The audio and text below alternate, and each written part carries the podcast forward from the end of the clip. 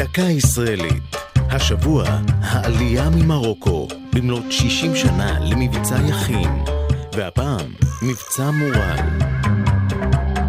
באביב 1961 גיבש המוסד תוכנית להברחת מאות ילדים יהודים ממרוקו ארצה.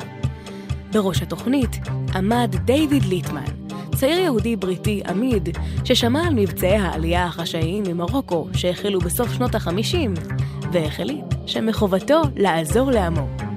הוחלט שליטמן יתחזה לנציג ארגון הומניטרי, ויפנה לשלטונות מרוקו ביוזמה להוציא מאות ילדים לנופש בשוויץ. לאחר החופשה הקצרה, כך תוכנן, ימשיכו ארצה. כך נולד מבצע מורל, בצרפתית ציור קיר. תכנון המבצע הבטיח חשאיות מלאה. טיסה בשש קבוצות נפרדות, נחיתת ביניים בצרפת וסודיות מוחלטת. אלא שהדברים לא התנהלו כמתוכנן. דבר הגעת הקבוצות ארצה שודר בכל ישראל, בשעה שחלק מהילדים, כמו גם ליטמן ומשפחתו, טרם עזבו את מרוקו. החשש מכך שהמידע יגיע לשלטונות שם גרם לביטולה של אחת משש הקבוצות. המבצע נמשך כארבעה חודשים, ובמהלכו עלו לישראל 530 ילדים.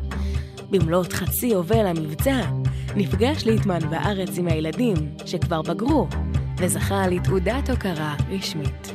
זו הייתה דקה ישראלית על העלייה ממרוקו ומבצע מורל.